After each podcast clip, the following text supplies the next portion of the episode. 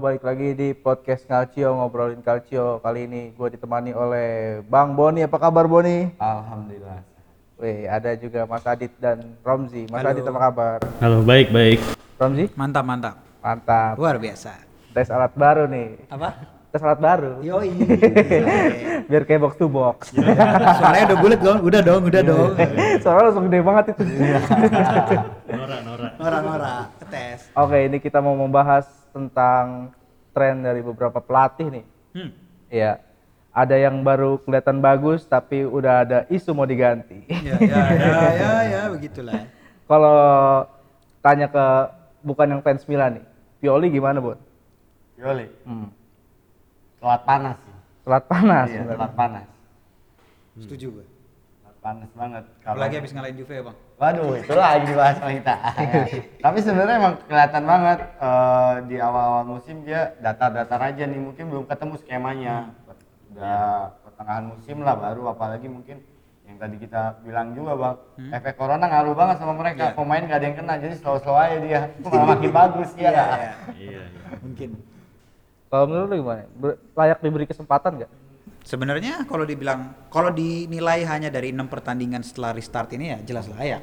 Hmm. Ya. Tapi kalau kita lihat eh, keseluruhan, itu kan memang ada istilahnya ada hitungan matematisnya dan juga dia ada target yang yang kita sendiri sebagai fans jelas nggak tahu apa apa targetnya dia yang di eh, yang di apa namanya dikasih sama board ke dia gitu nggak tahu itu apakah itu achieve atau enggak jadi em, keputusan memang ada di tangannya manajemen Milan tapi kalau buat gue pribadi ya dengan ada isunya Ralf Rangnick masuk em, ya memang nama besar Rangnick oke lah gitu lah tapi kalau Pioli lagi bagus gini emang jadi galau sih. Galau gitu. Gue sendiri bingung nih dapat apa nggak? Kalau menurut gue ya ya, em, mendingan tetap ganti Rangnick sih. Cuman nanti alasannya nanti aja lah. Sekarang menurut gue tadi dulu Gimana Mas Adit? gua eh, gini, Pioli itu kan sudah dikontrak dari bulan Oktober dan tahu-tahu bulan Desember tuh itu juga dengar dari si Boban yang dipecat kemarin. Itu sebenarnya Milan udah ada deal sama Ralf Rangnick itu dari bulan Desember. Cuma eh, mungkin ini nggak dibuka ke publik dan juga eh, ini juga si Ragniknya kan baru bisa musim depan. Jadi untuk kayak ngejaga suasana tim nggak dibuka dulu gitu. Tapi sebenarnya Pioli seben- sebenarnya sih kalau gua ngelihatnya udah dikasih target yang agak-agak mustahil sama manajemen supaya dia bisa bertahan uh, musim musim depan gitu yaitu lolos ke UCL nah waktu itu kan waktu Milan lagi di pertama kali dipegang Pioli uh, bulan Oktober itu kan lagi peringkat berapa ya kalau nggak kalau nggak salah 8 atau 9 papan tengah lah jauh Iya. gitu dan awal-awal juga Pioli kan belum nemu uh, skema tadi benar kata Bang Boni itu memang butuh waktu gitu untuk nemuin skemanya dan akhirnya baru sekarang. Dan uh, tadi juga Rom uh, nerusin juga yang lu bilang kalau dilihat dari enam pertandingan emang terlihatnya layak gitu. Tapi kan kayaknya manajemen Milan ini udah punya visi sendiri ya udah punya apa namanya udah punya rencana yang kelihatannya tuh udah matang gitu yang udah terkonsep. Dan baru kali ini emang dari sejak apa zamannya Berlusconi lah baru kali ini kayaknya manajemen Milan tuh punya rencana yang bener-bener konkret gitu kayak Serius lah ya, Iya. rencananya ya. paten nih kayak dan Rangnick ini dipandang emang sebagai orang yang cocok sama manajemen Milan sekarang yang rencananya itu ngembangin pemain muda apa ngebagusin laporan keuangan sama ya lolos ke Liga Champions sih gitu. itu sih yang lebih jangka panjang ya maksudnya pendek katanya Pioli itu emang bagus gitu bagus banget malah eh, secara performa gitu cuma kayaknya Milan juga nggak mau melewatkan sosok kayak Ralf Rangnick juga kalau misalnya kebetulan tas dia mau gitu loh Ngeliatnya. Ini kayaknya pena-pena kayak gini jarang nih buat di Juve. Juve tuh biasanya ngambil pelatih khas orang Italia. Iya. Iya. Tiba-tiba misalnya nanti dia mau ngambil Pep Guardiola gitu lu setuju gak tapi? Setuju banget. Karena nggak munafik, ya kan? Gue rindu banget ngeliat. Realistis. Iya kan?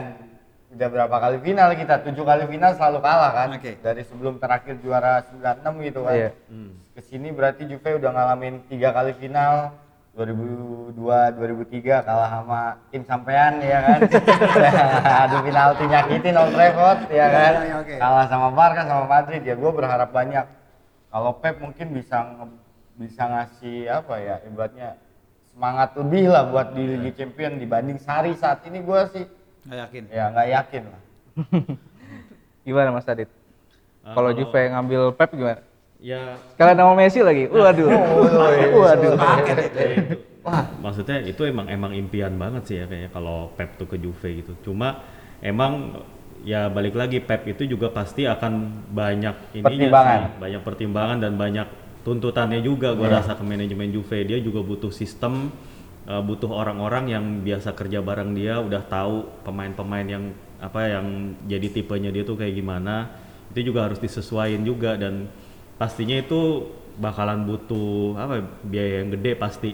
Dan butuh kesabaran juga kan belum tentu juga Pep bisa langsung sukses gitu. Kayak di City kan juga Iya, proses. ya dia juga butuh proses. Dan itu masalahnya kan ya Juve itu kan udah terbiasa untuk eh, jadi kandidat juara paling dalam musim gitu mau nggak ngerelain gitu maksudnya Iya, iya. seorang Pep ya kayak gitu sih paling Mungkin pasti bagi pertimbangan manajemen juga sih nggak mungkin juga gue sih agak mikir Sari cuman dikasih kesempatan satu musim gitu kan. Iya, Pasti kan kontraknya berapa musim, dia harus biaya juga kalau mecat Sari tiba-tiba Iya, ya realistis sih. banget Dan- sih emang sebenarnya. Iya, gue juga ngelihatnya kemarin eh, pertimbangan Juve untuk ngambil Sari itu kan karena kayaknya Juve itu pengen timnya itu punya style, punya Iya. gaya bermain yang apa yang kayak ngedominasi lah, yang apa yang Sari permainannya, bal lah ya. Iya, atraktif lah gitu.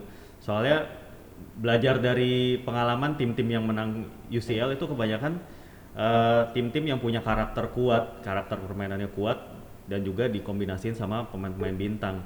Nah ini kayaknya Juve nyo- nyoba Sari eh, udah ada pemain bintangnya udah ada nih, tinggal bagaimana nerapin stylenya aja gitu. Cuma kan emang ya kekurangannya ya pengalaman aja sih Sari belum pengalaman aja Di sih. Eropanya Di Eropa. belum teruji lah ya. Iya ya baru menang Europa League ya belum belum terlalu cukup sih sebenarnya.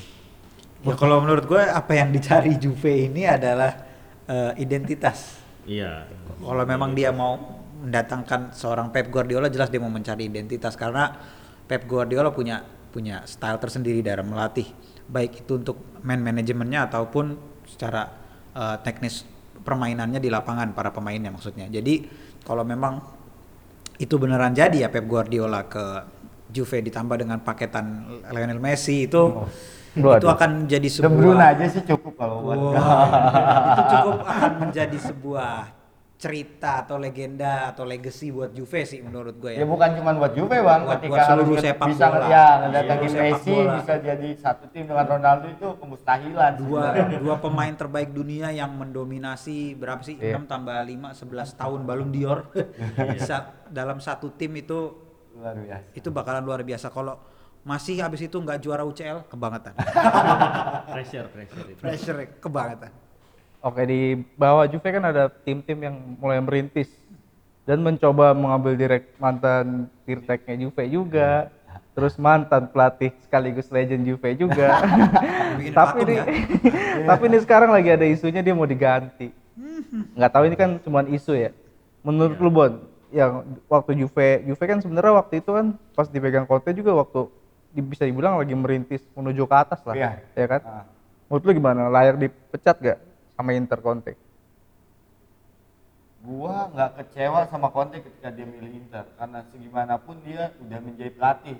Hmm. Dia ada waktunya buat profesional. Ya. Dan kebetulan waktu itu emang kalau di Gembor yang setahu gua ya ketika fans Juve pada yang wah Conte kok milih Inter dan lain-lain karena kenapa nggak milih Juve lah Juve aja nggak ada penawaran ke Conte pada saat itu. Iya. Ketika Conte lepas dari Chelsea emang Conte nganggur nggak ada penawaran dari Juve. Mungkin kalau ada penawaran di Juve, Conte pasti milih Juve dibanding Inter. Dia profesional dong, dia nganggur, ada tawaran dari Inter diambil sama dia. Iya. Kayak gitu. Cuman ngelihat performanya Inter sebenarnya agak lumayan dari awal musim gitu kan. Cuman stylenya Conte kan yang pemain itu-itu aja. Hmm. Yang dipakai sama dia tuh Iya. udah itu-itu aja, udah dia Iya, iya. agak susah buat ganti pemain dengan yang lain gitu, pemain cadangan gitu, ganti pemain inti dia tuh agak susah emang Conte.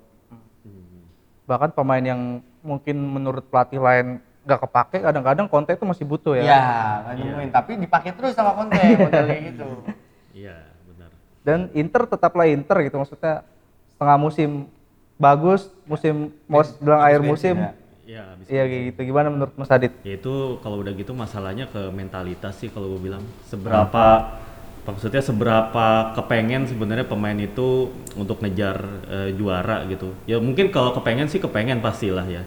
Cuma bagaimana ngejaga eh, itu kan juga satu kesatuan yang ngejaga performa, terus juga ngembangin permainan kan lama-lama biar gimana pun juga taktik lama-lama kebaca gitu ya.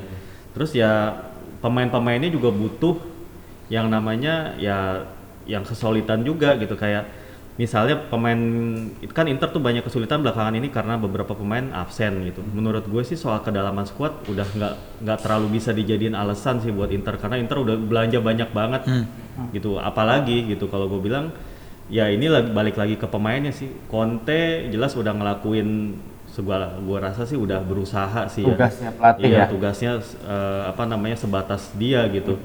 Walaupun mungkin orang juga banyak yang menilai harusnya bisa ganti skema lah atau gimana apalagi kedatangan pemain kayak Christian Eriksen gitu kan itu harusnya ngebantu. Asli yang juga lumayan pengaruhnya Iya, kan. eh, cuman emang sekali lagi butuh proses ya. Kayak Conte di Juve juga waktu itu Iya. kan nggak langsung juara. Ya. Udah gitu kayak kalau belajar pengalaman dari luar kayak Jurgen Klopp di Liverpool juga itu kan butuh proses juga empat musim. Terus juga Pep juga butuh proses, semuanya butuh butuh proses sih. Kalau gue ngerasanya kalau misalnya Inter sampai apa mencat Conte atau mungkin kalau Conte-nya sampai mengundurkan diri karena gedenya tekanan itu sangat disayangkan sih karena itu proyeknya jadi kayak mulai lagi dari nol gitu. Iya nggak sih?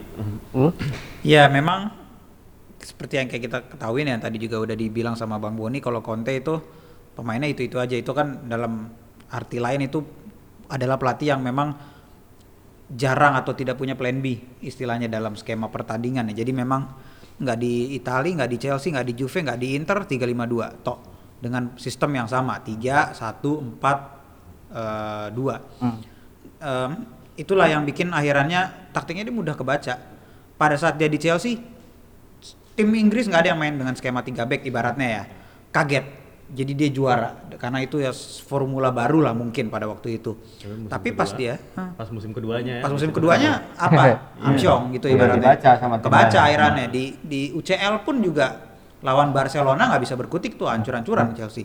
Terus akhirannya dia pindah ke Inter dengan eh, skema yang sama. Gue juga dari awal juga udah memprediksi Conte nggak akan bertahan lama selain karena memang kalau kita lihat dari eh, banyak nih gue juga lihat dari beberapa source yang berhubungan dengan Juventus lah ibaratnya memang ngelihat Conte di Inter tuh memang orang tuh udah ngeliat hatinya Conte itu nggak ada sebenarnya Iya. di Inter gitu. Semangat, Semangat semangatnya lah ya. Conte itu luar biasa kan. sebagai profesional Iya, ya profesional. tapi kalau lu ngomongin soal pilihan hati kayaknya Berat. Inter derby de Italia men maksudnya rival salah satu rival beratnya Juventus jadi mungkin itu yang salah satunya mungkin secara psikologis atau mungkin nggak sadar ya itu yang bikin akhirannya Conte di Inter seperti yang kayak gue bilang di YouTube soal Conte pelatih yang sebenarnya be aja ya terbukti gitu loh maksudnya ke sininya tuh dalam restart pandemi lah dapat berapa poin sih Inter ibaratnya ya gitu Eh, nggak tahu nih dengan nanti datangnya Akraf Hakimi menurut gua Iya. nggak akan ada perubahan yang signifikan karena secara posisi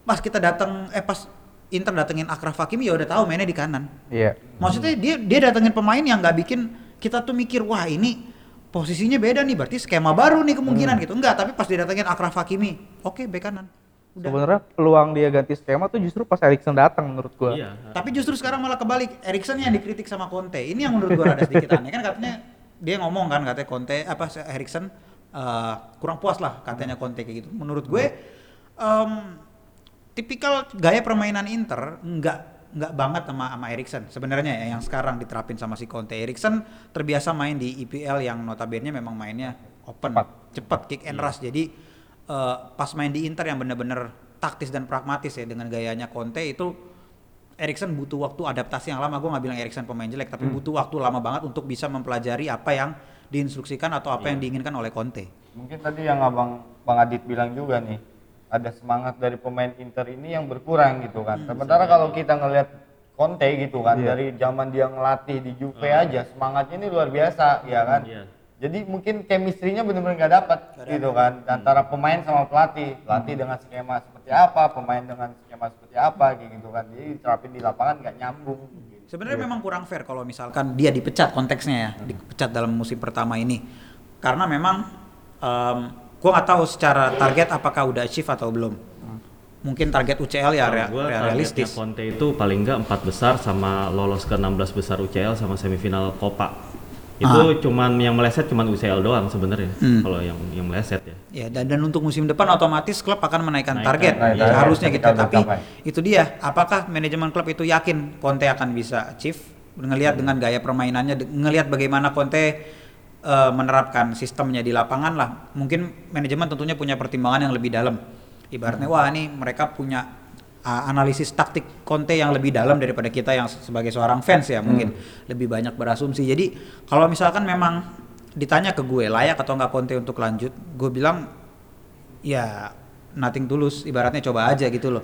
Secara budget Inter juga udah mulai kuat sekarang. Andaikan harus mengganti Conte di tengah musim menurut gue bukan masalah besar Mulai Inter lagi ya. dari awal. iya tapi bukan buat mas- bukan masalah besar buat Inter karena kalau kita ngomongin dari segi finansial segala macam mungkin yang akan ngulang dari awal itu ya jelas skema permainan dan man manajemen. Tapi Iya. kalau ngomongin ganti pelatih di tengah musim dan pelatihnya pelatih bagus menurut gue bu- bukan masalah lagi buat Inter. Dari segi finansial ya bisa banget cuman ya kalau menurut gue coba lagi aja setidaknya setengah musim Iya. Sebenarnya kalau setengah musim agak repot bang. Mumpung- Iya. Kalau kalau mau sekarang mumpung banyak pelatih top nganggur. Iya sih, cuman, cuman itu jadi jadi jadi ngeliatin sebenarnya sisi kurang fairnya. Eh, mungkin kayak teman gua ya, teman gua itu gue lihat dia kemarin nge-tweet itu dia ngomong fans Inter dia bilang kayak kenapa harus ganti? Ini skemanya udah mulai cocok. Oke lah musim pertama nggak lu nggak mungkin lah ibaratnya musim pertama lu langsung treble atau kayak gimana itu jarang banget gitu ibaratnya. Jadi beberapa fans mungkin yang gua kenal ya beberapa itu mungkin dia bilang untuk pertahanin Conte at least dua musim lah. Iya. Bisa dibilang sebenarnya beberapa pemain requestan Conte itu cukup membuktikan sih. Maksudnya kayak Bagus-bagus Lukaku. Heeh. terus Ashley yang yang udah tua aja masih kepake gitu. Lukaku 20 gol loh, ya kan kalau nggak salah? Iya, Ah. 20. 20 gol. Yang kadang-kadang yang jadi masalah sebenarnya pemain-pemain yang dulunya udah ada di Inter gitu. Maksudnya nggak cocok. Ada yang mengkritik Skriniar juga kemarin gue lihat Skriniar nih nggak cocok main 3 back ala Conte. Dia Iya. bilang. Dia bilang gitu. Skriniar, Godin gitu kan. Tapi di sisi lain ada pemain-pemain kayak Bastoni yang mulai meningkat, ya kan? Maksudnya ini jadi tarik ulur antara ego sih kayaknya. Ego pemain yang nggak cocok sama dia. Kayak di Chelsea lah, dulu kan Iya, seperti Iya, itu iya, kan. benar. Beberapa pemain kayak bikin protes dari dalam gitu, nggak setuju. Terus di sisi lain, pemain yang lain ngedukung gitu. Ini udah tarik-tarikan khas ini banget nih kalau Conte latih. Iya. Kalau di Juve dulu gimana, buat sama pemain aman ya? Aman sama pemain malah kan mungkin Conte di akhir-akhir dia sedikit nggak sabar ketika dikasih target. Ayo dong bisa Liga Champion nih, bisa Liga Champion setelah nguasain Itali. Hampir tiga, tiga empat musim kan, empat musim terakhir tuh bener-bener nguasai Itali ketika dari sampai 2014 kan. Conte minta lebih dong ke manajemen. Saya dikasih tuntutan buat bawa ke Liga Champion, kasih saya juga pemain. Cuman waktu itu kan manajemen masih mungkin masih banyak pertimbangan Iya. kan. Walaupun udah bener-bener stabil, JS juga baru empat tahun berjalan, ya kan mungkin masih pertimbangan. Kontennya nggak sabar, kontennya keluar.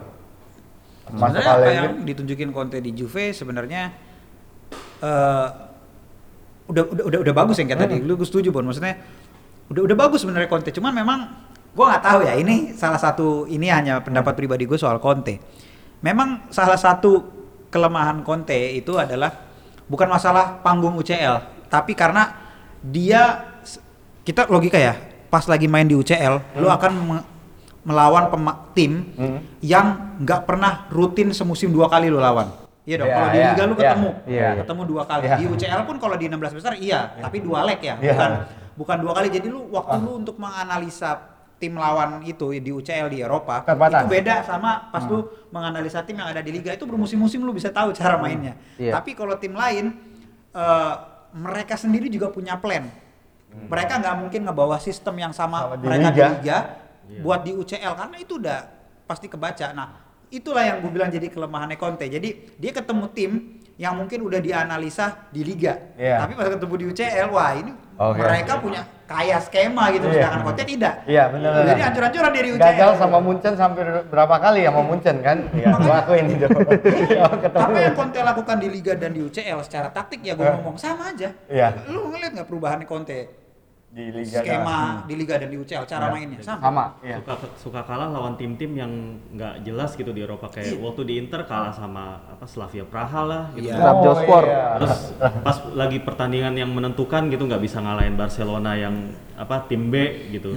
Itu menurut gue itu juga jadi catatan juga sih performa di Eropa. Bahkan waktu di Juve gue ingat di Europa League ya itu semifinal lawan Benfica itu peluangnya gede padahal. Iya. Lagi final di J Stadium. iya bisa di stadion itu itu mungkin yang jadi maksudnya sampai sampai sekarang yang belum orang belum melihat Conte itu belum maksimal ya performa juga di Eropa juga sih kayaknya sih. Padahal buat bicara pengalaman dibanding Mourinho, Mourinho mana ada ngerasain main di Liga Champion, ibaratnya gitu kan. Iya.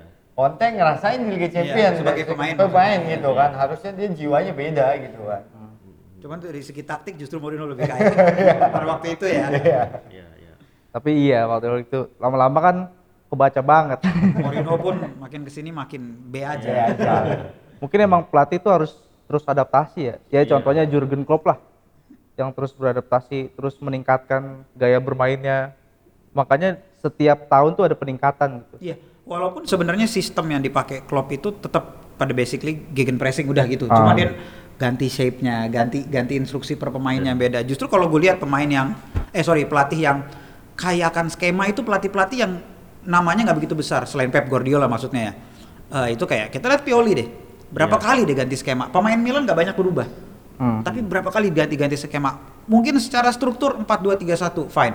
Tapi kalau kita lihat skema permainan entar Hakan Calhanoglu yang kayak Mas Adit bilang perannya sedikit berubah. Tapi Iya. tetap di skema 4-2-3-1. Waktu lawan Juve, kita lihat di atas kertas 4-2-3-1, tapi pas tanding dia main 4-4-2. Iya. Itulah yang gue bilang kekayaan skema yang mungkin Conte tidak miliki dibanding pelatih-pelatih kayak mungkin dari secara pamor di bawah dia Pioli atau si punyanya Verona siapa? Ivan Juric. Ivan Juric, atau Gasperini bertahun-tahun ngeracik Atalanta punya skema dan terbukti 2-3 musim terakhir ini Atalanta Iya. di atas Konsisten lah. Iya, konsisten gitu loh itu ibaratnya. mungkin soal ego juga kan Betul. soal apa si Jurgen Klopp itu juga kan dia sebelum kemarin menang UCL lawan Liverpool itu kan berapa kali dia kalah di final juga Hmm. di final UCL dia waktu di Dortmund kalah sama Bayern Munchen Hmm. terus final Liga Eropa juga sebelumnya kalah lawan Sevilla Iya. dia belajar akhirnya waktu lawan Tottenham waktu musim dua musim lalu akhirnya dia tuh kayak ngeredam egonya untuk main lebih main cantik dia lebih main pragmatis waktu Liverpool lawan Tottenham kan Iya. Liverpool Iya, iya. menang itu dia mainnya pragmatis banget gitu dan akhirnya menang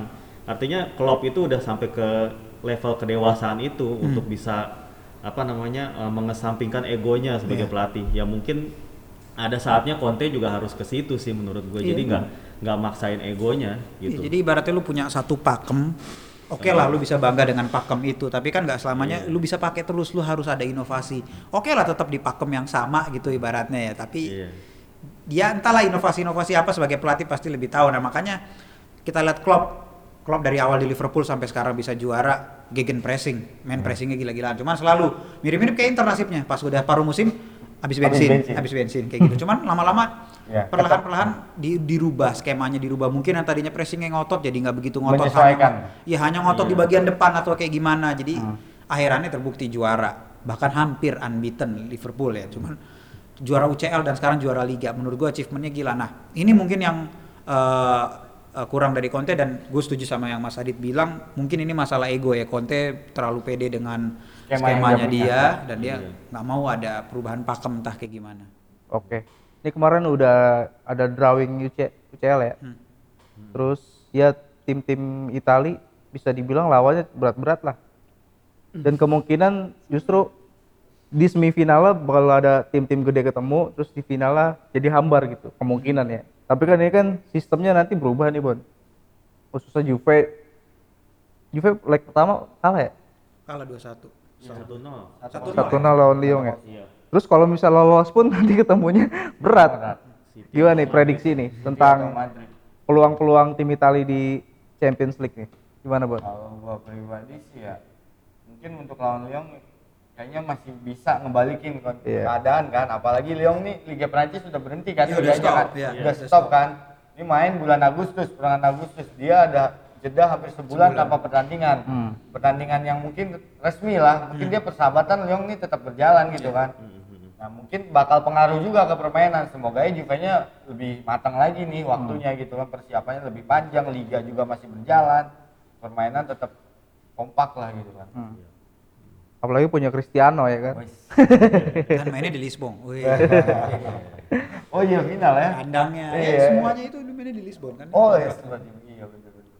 Gimana Mas Adit? Peluang-peluang tim Italia di Champions League? Ya emang kalau Juve bisa ngelewatin Lyon sih menurut gue eh, ketemunya antara pemenang City sama Madrid yang mana itu sebagaimana kita tahu itu tim yang apa kalau Madrid itu kan dari tradisi apalagi eh, Zidane balik lagi itu kan itu juga kayak auranya itu jadi lagi balik lagi gitu bagi Madrid gitu ya. Sementara City eh, Pep Guardiola kan sebagaimana kita tahu itu dia pengen ngebuktiin diri bisa juara UCL selain sama Barcelona. Emang agak agak berat sih eh, kalau misalnya Juve ketemu antara City atau Madrid karena apa namanya eh, secara realistis lah ya materi pemain dari materi pemain juga ya nggak be- beda-beda jauh emang tapi kan kalau dari sisi ambisi sama pengalaman gua rasa sih City sama Madrid lebih ngotot tapi kalau dengan satu leg eh, dan Juve punya pemain yang bisa menentukan kayak Ronaldo itu sih jadi semuanya mungkin kalau gue bilang sih. Karena cuma satu leg ya. Kalau dua leg emang orang kayak bisa nyimpen tenaga atau kayak mainnya lebih hati-hati. Nah kalau Iya. satu leg ini kayak udah ya udah lu nothing tulus di sini gitu. Pokoknya lu menang atau kalah. Dan apalagi lima pergantian lima pemain ya. Walaupun gue selama ini juga ngeliat si Sari juga kayaknya belum terlalu maksimalin pergantian lima pergantian, pemain iya. gitu. Belum terlalu inilah belum terlalu Karena terbiasa gitu. dia ya termasuk salah satu yang menentang pergantian lima pemain, tapi Iya. kenyataannya dia pakai juga. Kemarin lawan Milan dia ganti lima pemain juga. Iya. Nah paling itu kalau bisa maksimalin Ronaldo, faktor Ronaldo, faktor Dybala juga sama pergantian pemain ini yang bisa nentuin ya, apa detail-detail kecil gitu. Ini mungkin ya bisa ada peluang karena kan sebagaimana kita tahu Liga Champions itu kan kompetisi yang kadang-kadang tuh tim tim itu sebenarnya sama kualitasnya gitu. Tapi yang ngebedain tuh ya kayak kesalahan-kesalahan kecil lah atau pergantian pemain yang pas gitu. Itu yang bisa ngebedain. Nah, di sinilah gua ngelihat harusnya sih eh, apa namanya Juve tuh punya peluang juga karena faktor Ronaldo gitu sih. Kalau Atalanta ya gimana? Atalanta juara lah. Em, ya kalau eh, ngomongin soal Juve memang ya drawingnya berat banget tuh bagian kiri tuh berat-berat tuh. Napoli Barca pun juga termasuk berat itu Oh, iya. hitungannya. Iya, iya. Eh, di situ masih ada Napoli juga dan peluang kalau kita bahas peluang Napoli lawan Barca menurut gue eh, pertama itu satu sama ya Satu-satu. di sama. di Naples. di Naples. Iya. Jadi di leg kedua ini walaupun mainnya di Lisbon tapi hitungannya tetap seperti Barca yang home kan. Iya. Hitungannya ya hitungan agregat maksudnya. Hmm. Jadi memang kalau andaikan skornya draw 0-0 Napoli nggak lolos. Hmm. Ya kan? Nah, berarti kan dan juga ada eh, peraturan yang baru juga kalau misalkan draw atau secara agregat seri itu juga langsung adu penalti ya kalau nggak salah. Jadi nggak ada Iya. perpanjangan waktu. Nah, ini memang bikin semua tim ya nggak hanya tim Italia doang itu main harus all out. Hmm. Benar yang kayak tadi Mas Adit bilang nothing tulus. Semua All dianggap out. final. Iya, semua Iya. harus menjadi final gitu loh. Jadi memang kalau menurut gue siapa pun timnya punya chance. Apalagi Atalanta yang udah nggak ada urusan leg 1 leg 2 karena dia udah memastikan waktu lawan Valencia tuh dua leg udah selesai. Jadi dia lawan PSG nih murni bener-bener ibaratnya final match buat dia. Jadi dia dia dia bisa menang, dia akan tinggal nunggu yang ketemu Hotspur lawan Atletico. Dari situ dia tinggal ketemu lagi dia dihajar lagi kayak final lagi tinggal sampai akhirnya dia bisa masuk final beneran. Kalau menurut gue peluangnya justru Atalanta bisa menang kok. Karena itu tadi yang kayak tadi Bang Boni bilang, Liga Prancis sudah berhenti. Pemain Prancis eh, pemain di Liga Prancis nggak ada eh, match yang kompetitif yang yang yang serius lah ibaratnya gitu ya paling cuman cuman friendly doang yang hanya pemanasan dan dibandingin dengan Atalanta atau Juve atau juga- Napoli yang udah main kompetitif Masih kompetitif Mas- gitu. sampai sampai nanti UCL udah mulai pun dia masih ada pertandingan liga gitu loh. Jadi menurut gue dari eh, kondisi pemain, eh, kolektivitas pemain Tetap itu, itu itu mendukung mendukung Iya. tim-tim eh, Italia lah kasarnya Iya. dibanding tim Prancis ya.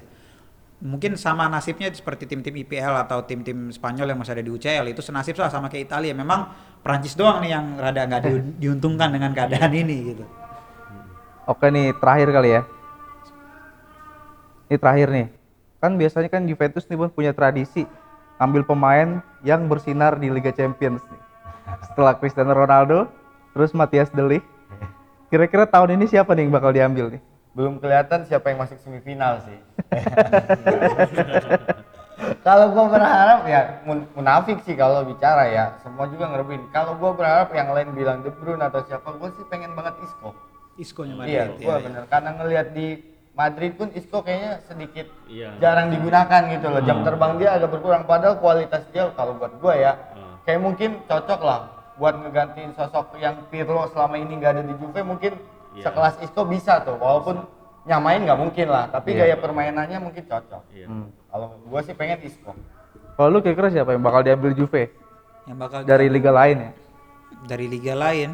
Pemain. Em, sebenarnya eh, udah diambil ya tuh ya Arthur sebenarnya satu ya satu ya udah diambil tapi kalau lihat dari sisa musim eh sisa ya sisa musim ini sisa UCL ini gua nggak tahu justru kayak tim-tim yang ada di eh, mungkin Leipzig mungkin ada yang bagus bisa jadi dicomot entah siapa itu gua nggak tahu. Karena no clue sama sekali ini karena menurut gua squad Juve udah eh, sebenarnya 90% komplit gitu ya. Apalagi dengan mereka keluar pejanik langsung dapat gantinya si Arthur itu ibaratnya karena swap deals itu. Jadi kalau pemain incaran Juve yang ada di UCL dengan sisa tim yang ini gue nggak tahu. Tapi eh, mungkin pemain-pemain dari Leipzig ya karena salah satu tim yang lagi menonjol di UCL kan Leipzig itu mungkin bisa ada yang diambil. Karena contohnya mirip kayak dia ngambil delik dari Ajax saja waktu itu Ajax kan lagi wih gitu loh. Nah ini kali aja nih Leipzig juga lagi wih bisa ada yang diambil pemainnya entah siapa walaupun Timo Werner-nya udah cabut. Terima Sadit. Iya, emang trennya kadang-kadang pemain yang dari yang lolos ke semifinal tapi dari klub-klub yang emang bukan klub yang tradisi gede gitu. Iya. Ya emang pemain-pemain ya dari Leipzig emang bisa gitu ada ada beberapa pemain kayak Nkunku atau ataupun si Sabitzer itu kan itu kan juga bisa aja diambil gitu. Atau bahkan kalau misalnya emang mau lebih berani lagi, gua rasa sih nggak ada salahnya Juve nyoba ngambil Lewandowski sih kalau gua bilang. Betul. sekalian gitu. Apalagi kan si Higuain juga kan udah turun banget. Gua rasa sih cocok banget kalau Juve mau ngambil bomber itu coba aja tarik Lewandowski dulu gitu. Hmm. Berarti nggak usah nungguin tim yang nge- ngegugurin Juve dong. Pemainnya. ya dari Sampai Lyon mungkin semifinal. masih ada Lyon si siapa eh, Depay atau Nah, siapa Dembele eh Siapa Dembele bukannya Depay lagi kencang-kencangnya ke Milan itu. strikernya itu lupa ya. kalau nggak salah ada Dembele juga kan yang dari Iya, Celtic iya, ya ada Musa- dari Musa. Musa, Musa, Musa, ya, Musa Dembele. itu Iya. juga bagus tuh mungkin bisa aja diambil gitu loh cuman ya nggak tahu lah Hmm. Oke deh, mungkin sampai di sini aja kali ya. Sips. Sudah waktunya Isa kita harus sholat. Alhamdulillah. Oke, terima kasih buat semua yang mendengarkan. Ciao. Ciao.